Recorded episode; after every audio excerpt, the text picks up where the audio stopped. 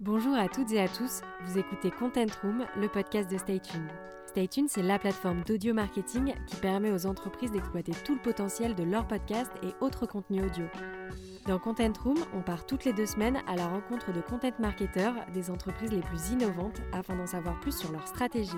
Et pour le lancement de notre podcast, nous avons le plaisir de vous proposer trois épisodes avec des content marketeurs inspirants.